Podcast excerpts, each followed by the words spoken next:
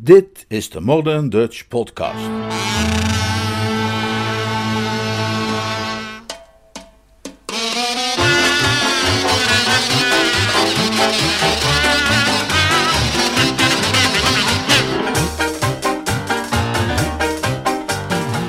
Geluk in de morgen. Een splinternieuwe vertaling van Joy in the Morning. Een Jeeves-roman van P.G. Woodhouse. Vertaald en voorgelezen door Leonard Beuger.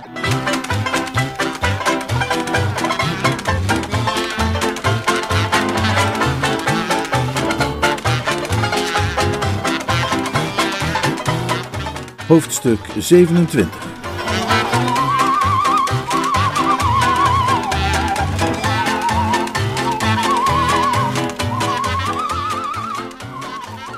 De zon stond hoog aan de hemel, althans tamelijk hoog, toen ik de volgende ochtend wakker werd. Van achter de gesloten deur van Boko's slaapvertrek klonk een ritmisch geluid alsof er hout gezaagd werd, wat aangaf dat hij nog niet uit bed was gesprongen. Ik had hem graag wakker gemaakt om te vragen of alles gisteravond goed was afgelopen, maar ik zag er vanaf.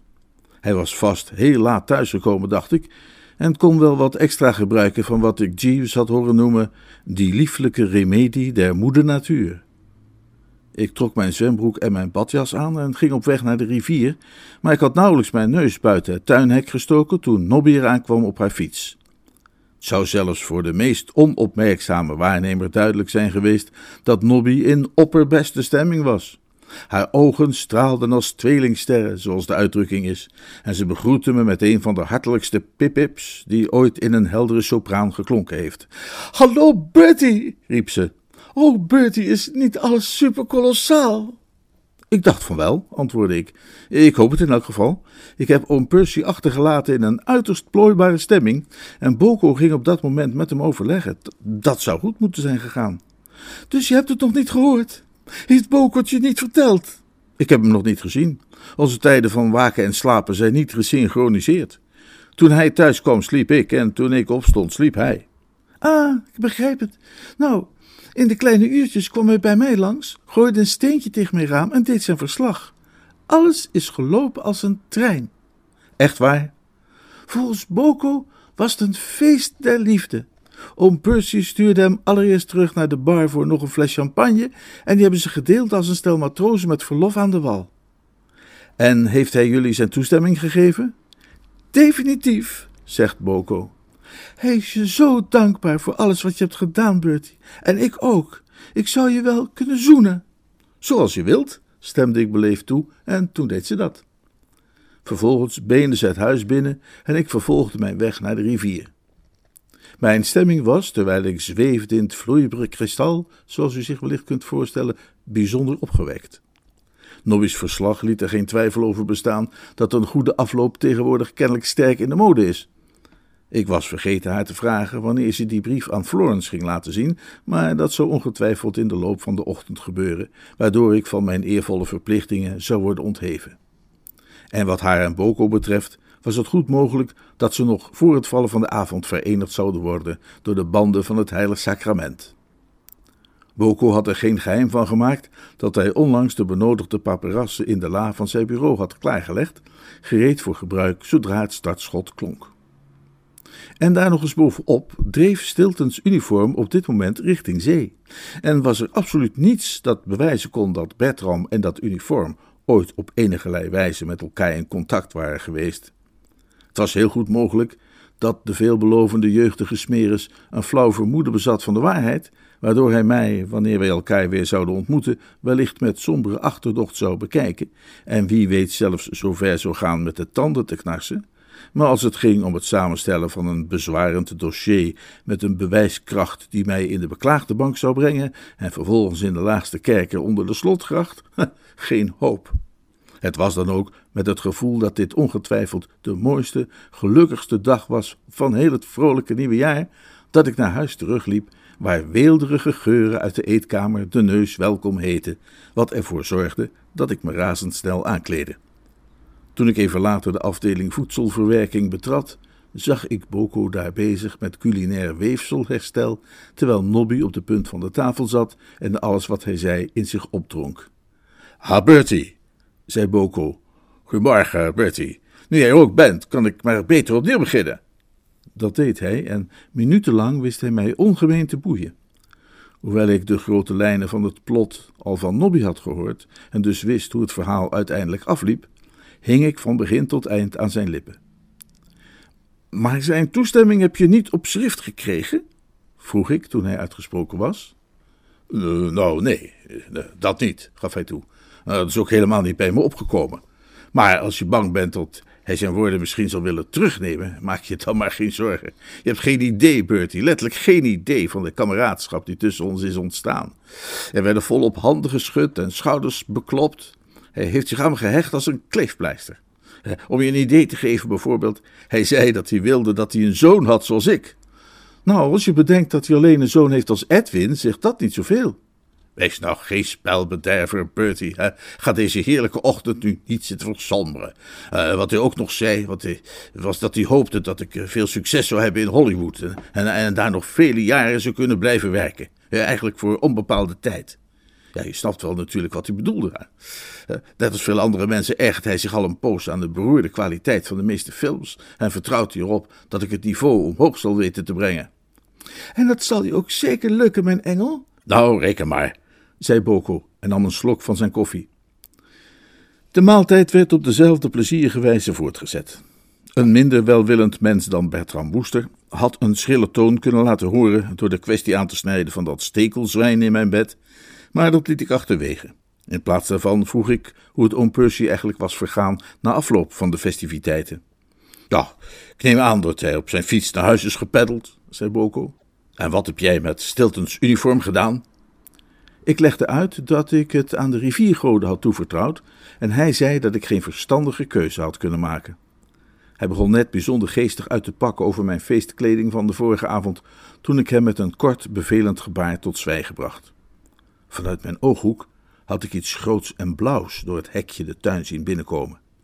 Even later weerklonk het knerpende geluid van voeten op grind, terwijl timbre en volume van dat geluid dusdanig waren dat het alleen had kunnen worden veroorzaakt door een reglementair voorgeschreven officieel paar laarzen. Het verbaasde me dan ook niet dat even later het open raam de torso en het gehelmde hoofd van Stilton omlijstte. En eens te meer wenste ik mezelf geluk met mijn scherpzinnigheid en vooruitziende blik, die me ertoe hadden gebracht dat uniform in de rivier te werpen. Ah, Stilton, zei ik. En sterker nog, ik zei dat luchtig. Het scherpste oor had niet kunnen ontdekken dat mijn geweten niet zo zuiver was als glas. Een mens geeft er uiteraard de voorkeur aan altijd op onberispelijke en correcte wijze door het leven te gaan, maar wanneer dat niet helemaal lukt, is het ongetwijfeld toch het beste je tijdig van het lijk te hebben ontdaan.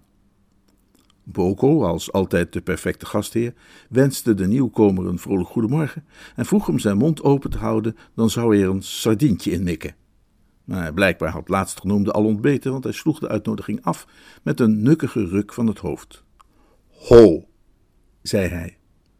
En even tussendoor iets over de kwestie van politieagenten en het woord ho. Ik heb het idee dat het eerste wat ze een verse recruut bijbrengen, zodra die zich bij het korps heeft aangemeld, is hoe die uitroep dient te worden verklankt. Ik heb nog nooit een diender ontmoet die het niet zei, en ze zeggen het ook allemaal op dezelfde manier. Je gaat onvermijdelijk denken dat ze daarop moeten hebben getraind tijdens hun opleiding. Zo, dus hier zit jij, verdomde woester. Ik had sinds de vorige avond regelmatig gespeculeerd over hoe de houding van onze toegewijde jeugdige politieman zou zijn wanneer hij mij een volgende keer zou tegenkomen, en ik had daarbij nooit verwacht dat die houding bijzonder elfachtig zou wezen. Ik had de donkere frons, het rode gezicht en de kille harde blik voorzien. Die waren er inderdaad allemaal, precies als voorspeld, en ik was er gereed voor. Ik bewaarde mijn koelbloedigheid. Ja, hier zit ik, antwoordde ik, terwijl ik nonchalant een geroosterd boterhammetje beboterde. Waar zou ik anders zitten, mijn beste Stilton, hè? Dankzij Boko's vorstelijke gastvrijheid is dit waar ik woon. Ho, zei Stilton. Nou, lang zul je hier niet meer wonen, want jij gaat nu als de bliksem met mij mee. Boko keek me aan en trok zijn wenkbrauwen op. Ik keek Boko aan en trok mijn wenkbrauwen op. Nobby keek ons allebei aan en trok haar wenkbrauwen op, en daarna keken we naar Stilton en trokken allemaal onze wenkbrauwen op. Het was echt zo'n ochtend om wenkbrauwen op te trekken. Met jou meegaan, Stilton, zei Boko. Je gebruikt die uitdrukking toch niet in formele zin? Ja, dat doe ik wel. Ben je gekomen om, om Bertie te arresteren? Ja, dat ben ik. Waarvoor? Voor het jatten van mijn uniform. Nobby wendde zich tot mij in meisjesachtige verbazing. Heb jij Stiltons uniform gejat, Bertie? Absoluut niet. Gelukkig maar. Bijzonder fortuinlijk. Want ik neem aan dat je voor zoiets wel drie maanden kunt krijgen. Ja, nog afgezien van de schande, merkte ik op. Mocht ik ooit in de verleiding komen zo'n onbezonnen daad te plegen, dan zal ik me daar echt tegen moeten verzetten, hoewel ik me niet kan voorstellen dat zoiets ooit zal gebeuren. Nee, heel onwaarschijnlijk, beaamde Nobby. Ik bedoel, waar zou je in hemelsnaam een politieuniform voor nodig kunnen hebben? Precies, zei ik. Je hebt de zaak met een naald aangeraakt. Wat heb ik gedaan? Ja, dat is zo'n geintje van Jeeves, legde ik uit. Rem nog iets. Iets Latijns. Boko, die bedachtzaam had zitten fronsen, ging wat dieper op de zaak in.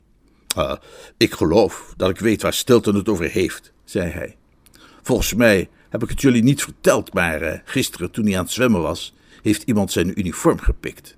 Dat had hij op de oever laten liggen. Of uh, had ik dat toch al gezegd?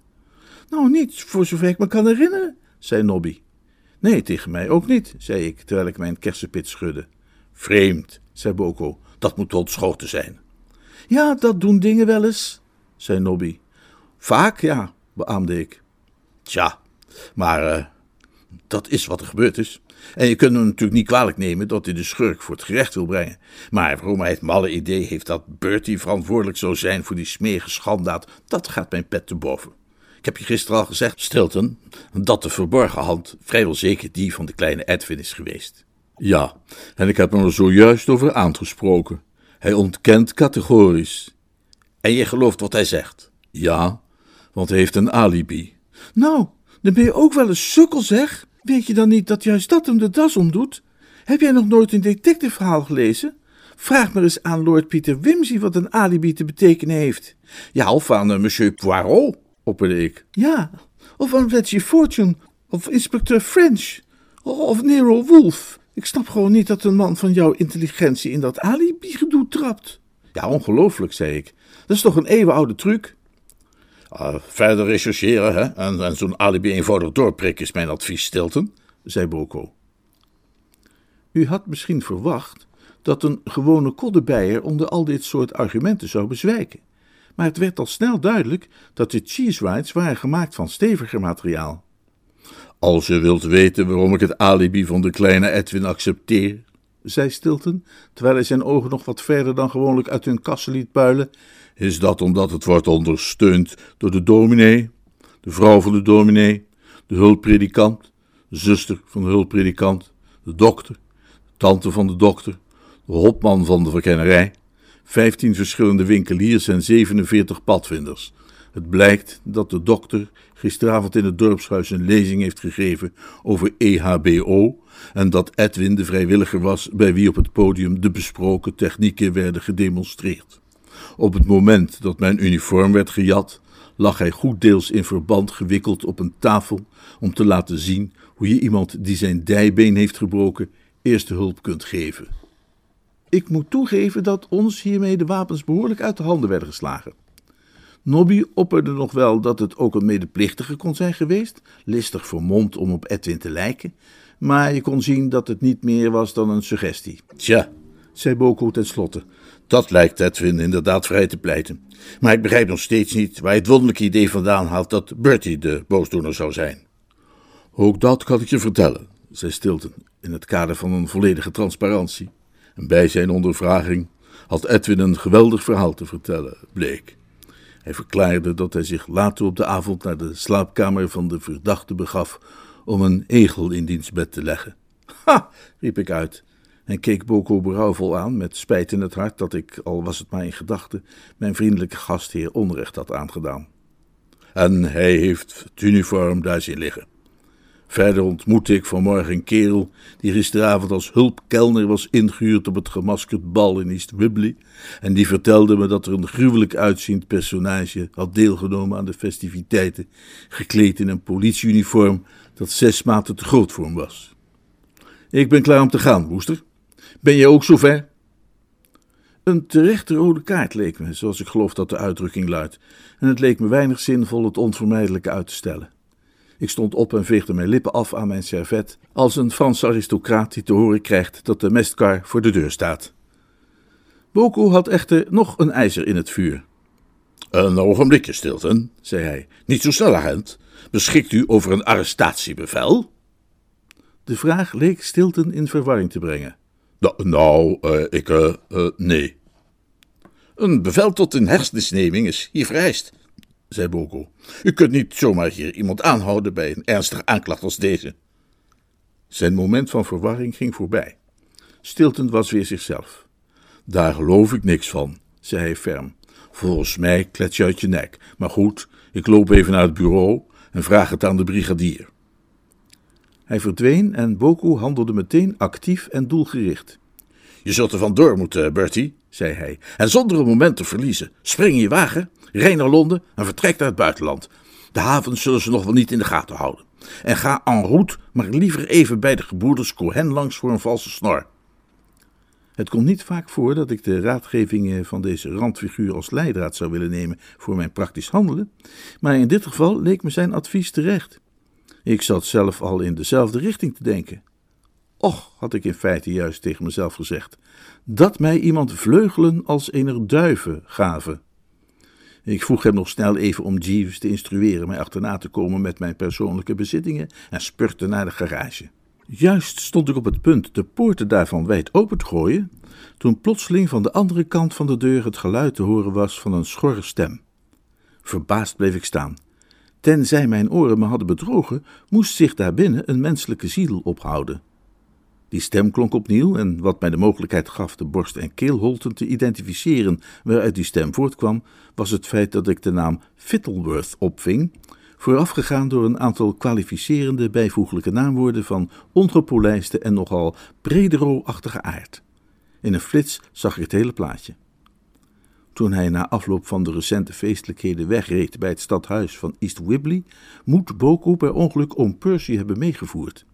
Hij was naar huis gereden met een lied op de lippen, maar zonder te weten dat achter in de auto mijn bejaarde bloedverwant een dosis nam van de lieflijke remedie der moeder natuur en zo onopgemerkt meelifte.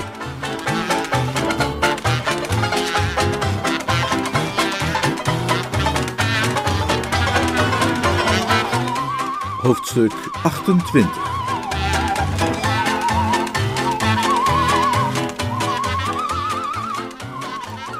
Ik ademde in met een scherp suizend geluid en bleef enkele ogenblikken als aan de grond genageld staan, met gefronste wenkbrauwen en uitpuilende ogen. Te zeggen dat dit me getroffen had als een klap in de nek met een ploer te doden, zou allerminst een overdrijving genoemd kunnen worden. Ook mag gerust worden gezegd dat ik, zoals ik daar stond te luisteren naar wat er door het houtwerk heen tot mij doordrong, ten slachtoffer viel aan melancholie. Realiseert u zich wat er aan de hand was, wil ik maar zeggen.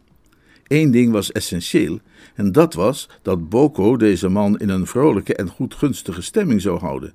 Maar het was absurd te veronderstellen dat hij dit kon doen door hem de hele nacht op te sluiten in een garage, gekleed in een Sinbad de Zeeman kostuum. Een man met een cholerisch temperament zoals oom Percy zal zich onvermijdelijk aan zo'n behandeling ergeren. Hij ergerde zich op dit eigenste moment, ik kon het horen. De toon van zijn opmerkingen liet geen ruimte voor misverstand. Het waren niet de obiter dicta van iemand die, wanneer hij werd vrijgelaten, hartelijk zou lachen om het grappige kleine misverstand, maar veel eer die van een man die een serieuze poging zou gaan doen om de persoon die verantwoordelijk was voor zijn opsluiting te villen. Dat was zelfs precies het punt dat hij op dit moment ter sprake bracht. En niet alleen was hij vastbesloten om Boko te villen. Hij benadrukte in niet mis te verstaande bewoordingen zijn voornemen om dat langzaam te doen en met een bot mes. Kortom, het was overduidelijk dat, hoe mooi de vriendschap die tussen hem en zijn gastheer recentelijk was ontstaan ook mocht zijn geweest, deze nu een flinke klap had gekregen en definitief zou moeten worden afgeschreven. Ik merkte dat ik eerlijk gezegd niet goed wist hoe ik hiermee om moest gaan. Het was zo'n situatie die leek te smeken om enig advies van Jeeves. Ik stond juist zijn afwezigheid te betreuren toen een zacht kuchje vlak achter mij duidelijk maakte dat hij er wel was. Het was alsof hij door middel van een soort telepathie, als dat het woord is dat ik zoek, gewaarschuwd was dat zijn jonge meester de controle even kwijt was en voor twee kwartjes hulp van een trouwe vazal prima zou kunnen gebruiken. Jeeves! riep ik, en ik greep hem bij de mouw van zijn jas, als een verdwaald kind dat zich vastklampt aan zijn moeder. Toen ik mijn probleem uiteengezet had voor zijn luisterend oor, bleek duidelijk dat de kern van de zaak hem niet was ontgaan. Hoogst verontrustend, meneer, zei hij. Hoogst, antwoordde ik. Ik wilde hem niet kwetsen met afkeurende of berispende woorden, maar ik had onmiskenbaar, als zo vaak bij hem, het gevoel dat een enkele luchtsprong en wat rollen met de ogen meer in overeenstemming zou zijn geweest met de ernst van de situatie. Als Jeeves een fout heeft, eh, zoals ik wel eens eerder heb opgemerkt, geloof ik, is het dat hij te zeer geneigd is om zich te beperken tot iets in de sfeer van tut-tut, op momenten dat je liever zou zien dat zijn dichte en saamgevlochten lokken zich toch wel een tikje zouden scheiden. Milord is verbolgen, neemt u aan, hè? Die vraag kon ik beantwoorden. Ja, Jeeves. Zijn opmerkingen waren, voor zover ik ze kon verstaan, ongetwijfeld die van iemand die flink op stoom was. Wat is de dood der duizend sneden? Ling Chi is een strafvonnis dat bij Chinese politierechtbanken in zwang is voor kleine vergrepen. Te vergelijken met onze veertien dagen onvoorwaardelijk. Vanwaar uw vraag, meneer. Oom Percy noemde het terloops als een van de dingen die hij met Boko zou willen doen wanneer ze elkaar weer eens tegenkwamen. Goeie god, Jeeves, riep ik uit. Nee. De reden van mijn uitroep was dat het noemen van politierechtbanken en strafvonnissen me plots weer aan mijn eigen situatie had herinnerd. Door dat gedoe met ooms in garages waren mijn gedachten even afgedwaald van het feit dat ik eigenlijk bezig was gevangenschap en dwangarbeid te ontvluchten. Je hebt het laatste nieuws nog niet gehoord. Stilton heeft ontdekt hoe het zat met dat uniform en is nu op weg om arrestatiebevelen en dat soort dingen te halen. Werkelijk, meneer? Ja, die snotjork van een Edwin is gisteravond mijn kamer binnengeslopen om een egel in mijn bed te stoppen. Hij heeft dat uniform daar zien liggen en dat aan Stilton verklikt, die kleine valse politiespion.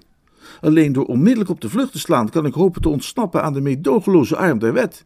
Je ziet wat de twee horens zijn van het gruwelijk dilemma waarin ik verkeer. Mijn auto staat in de garage en om daarbij te komen zal ik de deur moeten opendoen. Maar als ik die deur opendoe, springt oom Percy tevoorschijn als een kurk uit een fles. U schrikt terug voor een ontmoeting met Lord Worplesdon, hè? Ja, Jeeves, daar deins ik voor terug. Ho, ho, ik weet wat jij wil gaan zeggen. Je wilt mij erop wijzen dat het Boko was die hem heeft opgesloten en niet ik. Precies, meneer.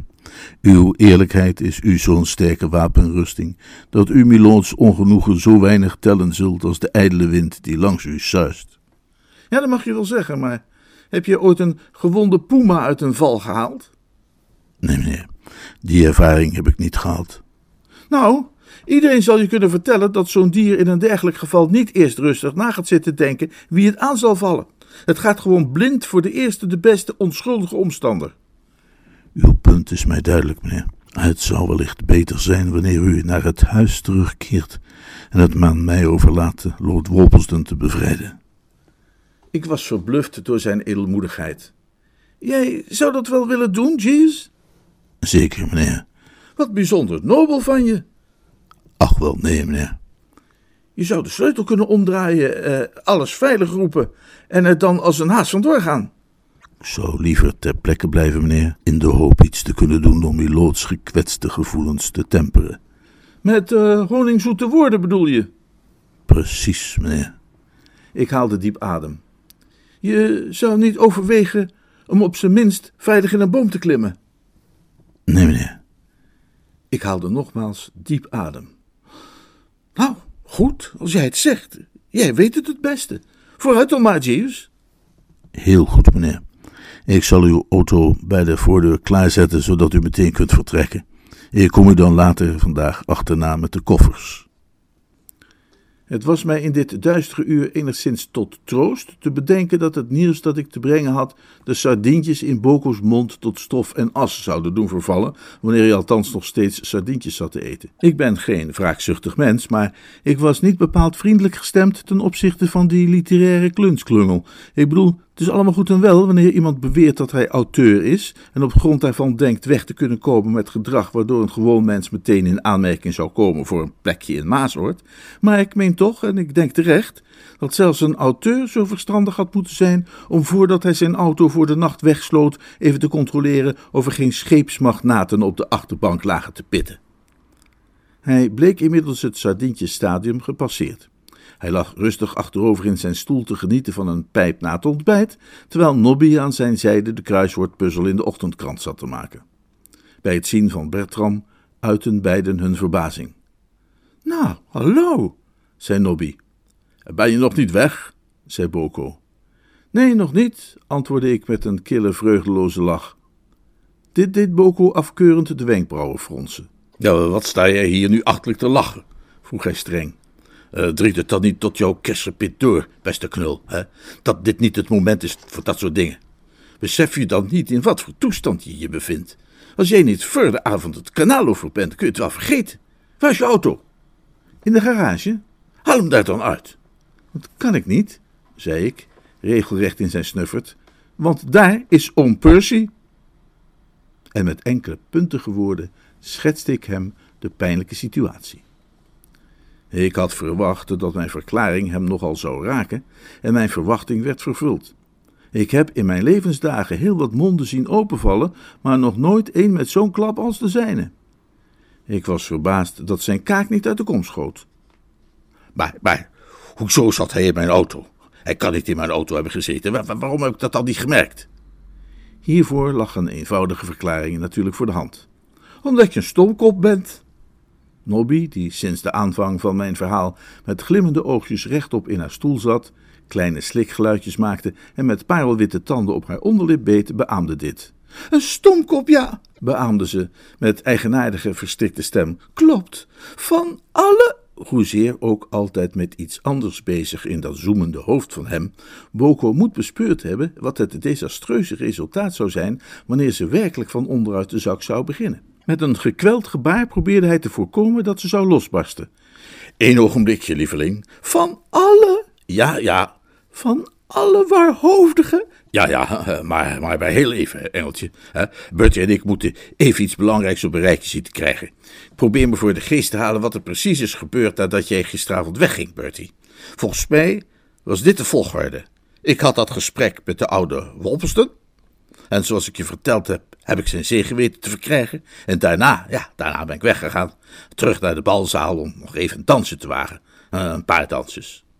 Van alle waarhoofdige halfgaar. Ja, ja, precies. Maar onderbreek mijn gedachtenstroom nu even niet, schat. ik probeer dit even goed te krijgen. Ik danste dus een paar sarabandes. En toen ben ik een ogenblikje naar de bar gegaan. Ik wilde even een glaasje drinken en mijn geluk bepijnzen. Dat deed ik dus. Maar toen schoot me plotseling te binnen dat Nobby waarschijnlijk slapeloos in haar bedje lag te woelen, doodnieuwsgierig om te weten hoe het was afgelopen. En ik wilde dus meteen naar huis om steentjes tegen haar raam te gaan gooien. Ik rende terug naar de auto, hè, sprong achter het stuur en reed weg. En nu begrijp ik waarom ik de oude Worpelston niet heb opgemerkt. De beste man was tegen die tijd al lang buiten Westen en lag laveloos op de grond. En nou ja, potverdorie, een kerel in mijn gemoedstoestand, hè, een en al vreugde en extase en opwinding, met een ziel die overliep van tedere gedachten aan het meisje van mijn dromen. Dan kon je natuurlijk niet verwachten dat ik de vloer van mijn auto ging en nalopen met een vergrootglas, hè, voor het geval daar toevallig een paar worpeldens lagen. Ik had hem niet meer gezien, dus uiteraard nam ik aan dat hij op zijn fiets vandoor was gegaan. Had je gewild dat ik ergens een stel bloedhonden was gaan lenen om mijn limousine van onder tot boven te onderzoeken? Ik weet zeker dat je er nu alles van begrijpt, schat. Hè? En, en dat je de eerste zult zijn om de term waarhoofdig in te trekken. Hm? Och, ik ben er ook niet boos om, zei Boko. Eigenlijk niet eens verbaasd dat je in het heetst van de strijd hebt gezegd wat je zei, zolang je maar beseft dat ik in feite onschuldig ben en dat mij geen blaam treft. Op dat moment klonk er buiten een warrig geluid en stapte oom Percy met ferme pas over de drempel. Even later daagde Jeeves op in zijn kielzog omdat ik er bij ons gesprek van de vorige dag zo aan gewend was geraakt deze aangetrouwde oom in een vriendelijke en kameraadschappelijke stemming te zien, was ik bijna vergeten hoe hij er ook uit kon zien als de Assyriër die zich op de kudde stortte wanneer hij sterk gesprikkeld was. En dat zo stans het geval was, sprong nogal in het oog. De rode bakkenbaarden die bij het Simbad de Zeeman kostuum hoorden, hielden zijn gezicht voor een groot gedeelte verborgen, waardoor het moeilijk was om zijn gelaatsexpressie in alle subtiliteit waar te nemen, maar zijn ogen waren te onderscheiden en dat was genoeg om te weten hoe het ervoor stond. Hun borende blik was onwrikbaar op Boko gericht en maakte dat die ongelukkige producent van gezonde literatuur voor de massa minstens drie en een halve meter achteruit deinsde. En dat was ongetwijfeld meer geweest als hij niet tegen de muur was komen te staan. Jeeves had het gehad over zijn plan om te proberen Walpoldens geïrriteerde emotionaliteit met honingzoete woorden te dempen. Of hij een dergelijk woord er niet tussen had kunnen krijgen, of dat hij er een paar had geprobeerd en die niet honingzoet genoeg waren geweest, kon ik niet zeggen. Maar het was duidelijk een feit dat de betreffende emoties nog altijd een donders geïrriteerd karakter bezaten en dat Hampshire op dat moment geen uit de slof schietender, bokkenpruik dragender scheepsmagnaat huisvestte. Het bewijs hiervan werd geleverd door zijn openingstekst, die bestond uit het woord wat, tigmaal herhaald als door een machinegeweer afgevuurd. Het was altijd al de gewoonte van deze oom, zoals ik al eens eerder heb opgemerkt, om op emotionele momenten rijkelijk te wat, wat, wat, wat, watten en daar week hij bij deze gelegenheid niet van af. Wat? zei hij als voorafje, terwijl hij zijn blik strak op Boko gevestigd bleef houden. Wat, wat, wat, wat, wat, wat, wat, wat, wat?